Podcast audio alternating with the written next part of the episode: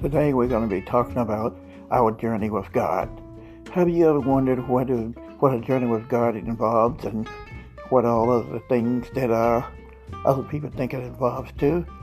So we'll be talking about that today on Journey with God.